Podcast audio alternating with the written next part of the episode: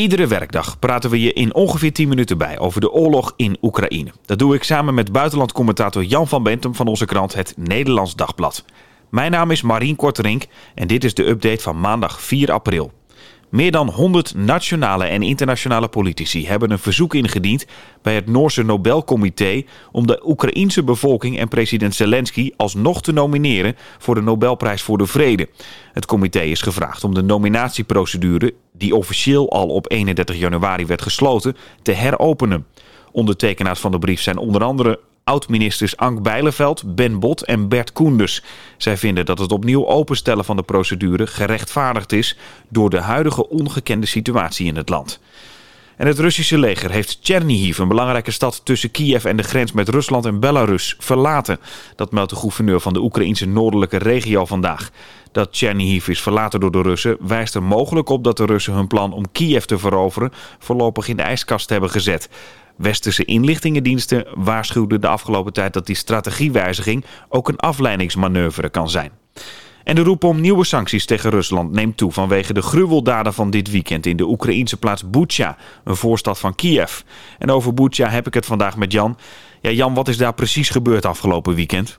Nou ja, dat, dat is nog niet helemaal duidelijk, hè, omdat de, de beelden nu al wel binnen zijn, maar het onderzoek naar wat er echt is gebeurd nog goed moet starten. Maar wat je ziet is een, is een gruweloord.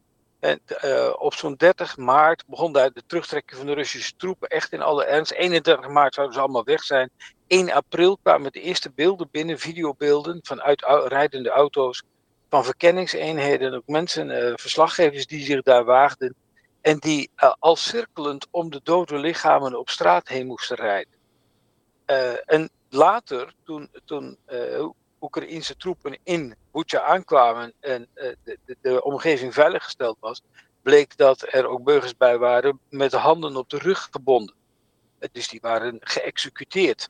Uh, nog weer later bleek dat er ook provisorische graven waren, waarin mensen snel waren, onder het zand waren geschoven, bij wijze van spreken. Waaronder bijvoorbeeld een, een verdwenen burgemeester met haar man en een, en een zoon. Ja, want de vraag is natuurlijk, zijn het inderdaad bekende mensen of zijn het gewoon uh, mensen als jij en ik? Nou, langzamerhand wordt het steeds meer duidelijk. Zo is bijvoorbeeld ook duidelijk geworden dat uh, twitterde uh, Koert van Beckham net vandaag, dat het hoofd, de dean, zoals dat in het Engels heet, van het evangelische seminarie in Kiev ook bij die doden hoorde. En deze stad ligt vlakbij Kiev. Het is, in die stad heb je ook die, die straat die heel vaak in beeld is gekomen, die vol met kapotgeschoten uh, Russische panzervoertuigen stond. Dus er is hevig gevochten in dat gebied. Uh, bij beschietingen waren al veel burgers omgekomen. Ze zitten nu al tegen de 400 doden die gevonden zijn. Maar die mochten vaak van de Russen niet worden begraven, want het was toch heel koud weer. Die konden wel blijven liggen tot na de gevechten. Nou, er heerst nu in die stad ook, ook echt een, nou ja, zeg maar een lijkenlucht. Dus het geeft wel aan dat er ook al lichamen hele lange tijd op straat liggen. Even om dat helemaal goed te begrijpen. De Russen trokken terug, hè, want die hadden afgesproken... nou, we gaan misschien niet meer zo focussen op, op Kiev... maar uh, nou, op het oosten van Oekraïne. Maar in die terugtrekking is dit dan gebeurd of daarvoor eigenlijk al? Het lijkt dat A, bij de, de gevechten ervoor zijn veel doden ge, uh, gevallen. Die zijn niet allemaal begraven. En soms in een uh, soort ja, ondiepe kuilen gelegd. ook door de burgers zelf, om toch te nog wel tijdelijk te kunnen begraven. Maar tijdens de terugtrekking blijken er dus wreedheden te zijn uh, uitgevoerd door de terugtrekkende Russische militairen. Um, het duidt er ook op, of het lijkt erop te duiden, dat het, de coördinatie van die terugtrekking dus ook heel slecht verliep. Uh, dat eenheden die heftige gevechten hebben gevoerd, zware verliezen hebben geleden, Russische eenheden, wraak hebben genomen op mensen die hen niet steunden. Dat is een optie. Maar dat moet allemaal nog duidelijk worden. Rusland zegt nu dat het een hoax is. En door het Westen of door Oekraïne met steun van het Westen opgezette scène uh, met lichamen van acteurs. Andere uh, bewering van Rusland is dat het juist uh, mensen zijn die gesneuveld zijn door beschietingen van Oekraïne nadat de Russen waren teruggetrokken. En Rusland heeft uh, gevraagd dat er een zitting zou komen van de VN-veiligheidsraad om dit geweld van Oekraïne te veroordelen. Nou, die zitting is inmiddels, lijkt het, afgewezen. Ehm, maar nu heeft ook Oekraïne gezegd: laat er inderdaad wel een internationaal onderzoek komen, bijvoorbeeld van het internationaal strafhof, om bewijsmateriaal te verzamelen. Zo nu dat nog kan. De Spaanse premier, zag ik, die spreekt ook van een mogelijke genocide. Maar hoe bewijs je dat nou, helemaal als je er bijvoorbeeld nu niet naartoe kan? Nou, er zijn wel ervaringen mee. Bijvoorbeeld de VN heeft ook een internationaal onderzoekspanel opgericht al jaren geleden voor de burgeroorlog in Syrië. Nou, daar kun je ook niet overal komen, maar met getuigenverklaringen, foto's, video's, data-analyses, uh, geocontrole, zeg maar dat je dus elementen of video's en foto's vergelijkt met de, de geografische eh, details ter plaatse, dat je ze exact kunt lokaliseren. Ook qua tijd bijvoorbeeld kun je een chronologische bewijsvoering aanleggen. Nou, dat gebeurt in het geval van Syrië, ook op initiatief van Nederland. Um, iets vergelijkbaars zou je, dat, eh, zou je nu ook met Oekraïne kunnen doen. Zodat je een soort bewijsdossier opbouwt van wat daar is misgegaan.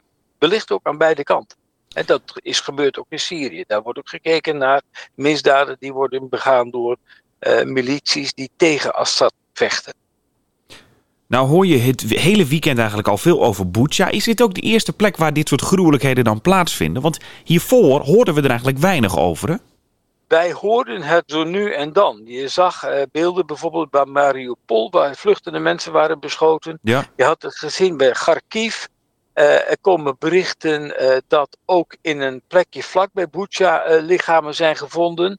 In het dorp dat heet met de moeilijke naam Muthitzin ook ten westen van Kiev, daar, waren, daar ligt bijvoorbeeld een verdwenen burgemeester. Een, een, vrouw begraven met haar man en een zoon, hebben ze daar terug. En het lijkt dat zij echt is geëxecuteerd met een schot door het hoofd. Uh, nou, dat zijn dus dingen die wil je weten. En die leiden wel tot een enorme schok. Bijvoorbeeld de minister van Buitenlandse Zaken van Duitsland, Beerbok, heeft al gesproken over dit zijn toch duidelijk oorlogsmisdaden. En hier moeten de verantwoordelijken voor, voor het gerecht worden gebracht. Is de houding van het Westen na de gebeurtenissen in Bucha veranderd? Nou, die is aan het veranderen. Je moet eerst nog zeker weten wat er echt is gebeurd. Maar wat tot nu toe te zien is, en ook wel al te analyseren valt, is dat er inderdaad moorden hebben plaatsgevonden. Al dan niet gerichte moorden en ook willekeurige. Um, dat kan zijn dat het een ontspoorde eenheid is geweest. Het kan ook zijn dat het toch een tactiek is die ook hogerhand wellicht niet is bevolen, maar wel wordt toegestaan uh, waar men van weet. Nou, dat, dat is een element dat moet je uh, verder bekijken. En uh, zeker de Europese Unie en ook de Verenigde Naties, maar ook de NAVO zal zich daarover blijven uitspreken. En het lijkt er wel op dat er nu toch wel een, een gevoel is gekomen van: oké, dus dit is hoe Rusland opereert. Dan moeten we nog duidelijker stelling nemen en meer steun verlenen, zodat Oekraïne echt overeind kan blijven. Want vergis je niet, uh, er wordt wel gesproken over uh, terugtrekking van de Russen, maar ook tegelijkertijd van hergroepering en een intensivering van de aanvallen in het zuiden en het oosten. Denk aan de beschieting van de havenstad Odessa, relatief ongemoeid gelaten nog in deze oorlog. Daar sloegen gisteren dus een aantal Russische raketten in, uh, die daar ook oliedepots in brand hebben geschoten zodat je daar de infrastructuur uh, ook belemmert. En bijvoorbeeld ook de operaties van het Oekraïnse leger, omdat er geen brandstof is. Dan nog even over die ja, bekende mensen die ze dan misschien bewust uh, wilden vermoorden. Uh, ja, wat is daar de meerwaarde van om een burgemeester dan bijvoorbeeld bewust te vermoorden?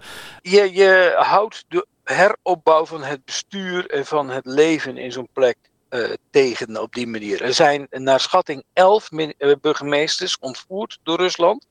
Hopelijk worden ze niet allemaal vermoord. Maar deze was nog niet naar Rusland zelf gebracht. Er schijnen ook al een aantal burgemeesters te zijn.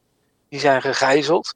Um, ja, hoe ze dat willen gebruiken is nog onduidelijk. Het zou kunnen zijn dat je ze als, als een soort uh, hooggeplaatste gijzelaars gaat inzetten. Om, om uh, eisen af te dwingen bij een eventueel uh, wapenstilstandsakkoord.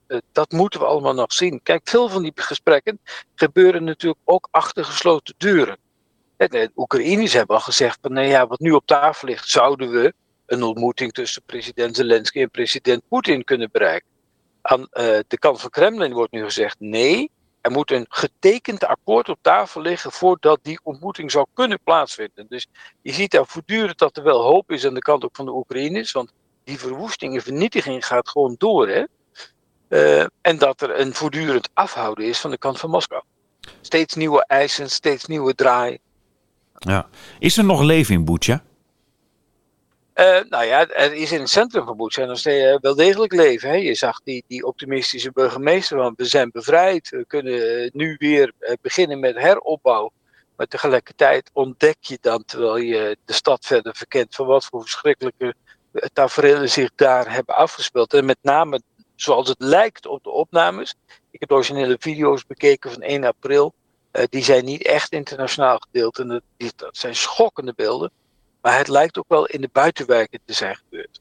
Dit was hem voor vandaag. Jan, dankjewel. En mocht je een vraag hebben voor Jan of willen reageren, dat kan via oekraïne.nd.nl. Een nieuwe update staat morgen om 4 uur weer voor je klaar.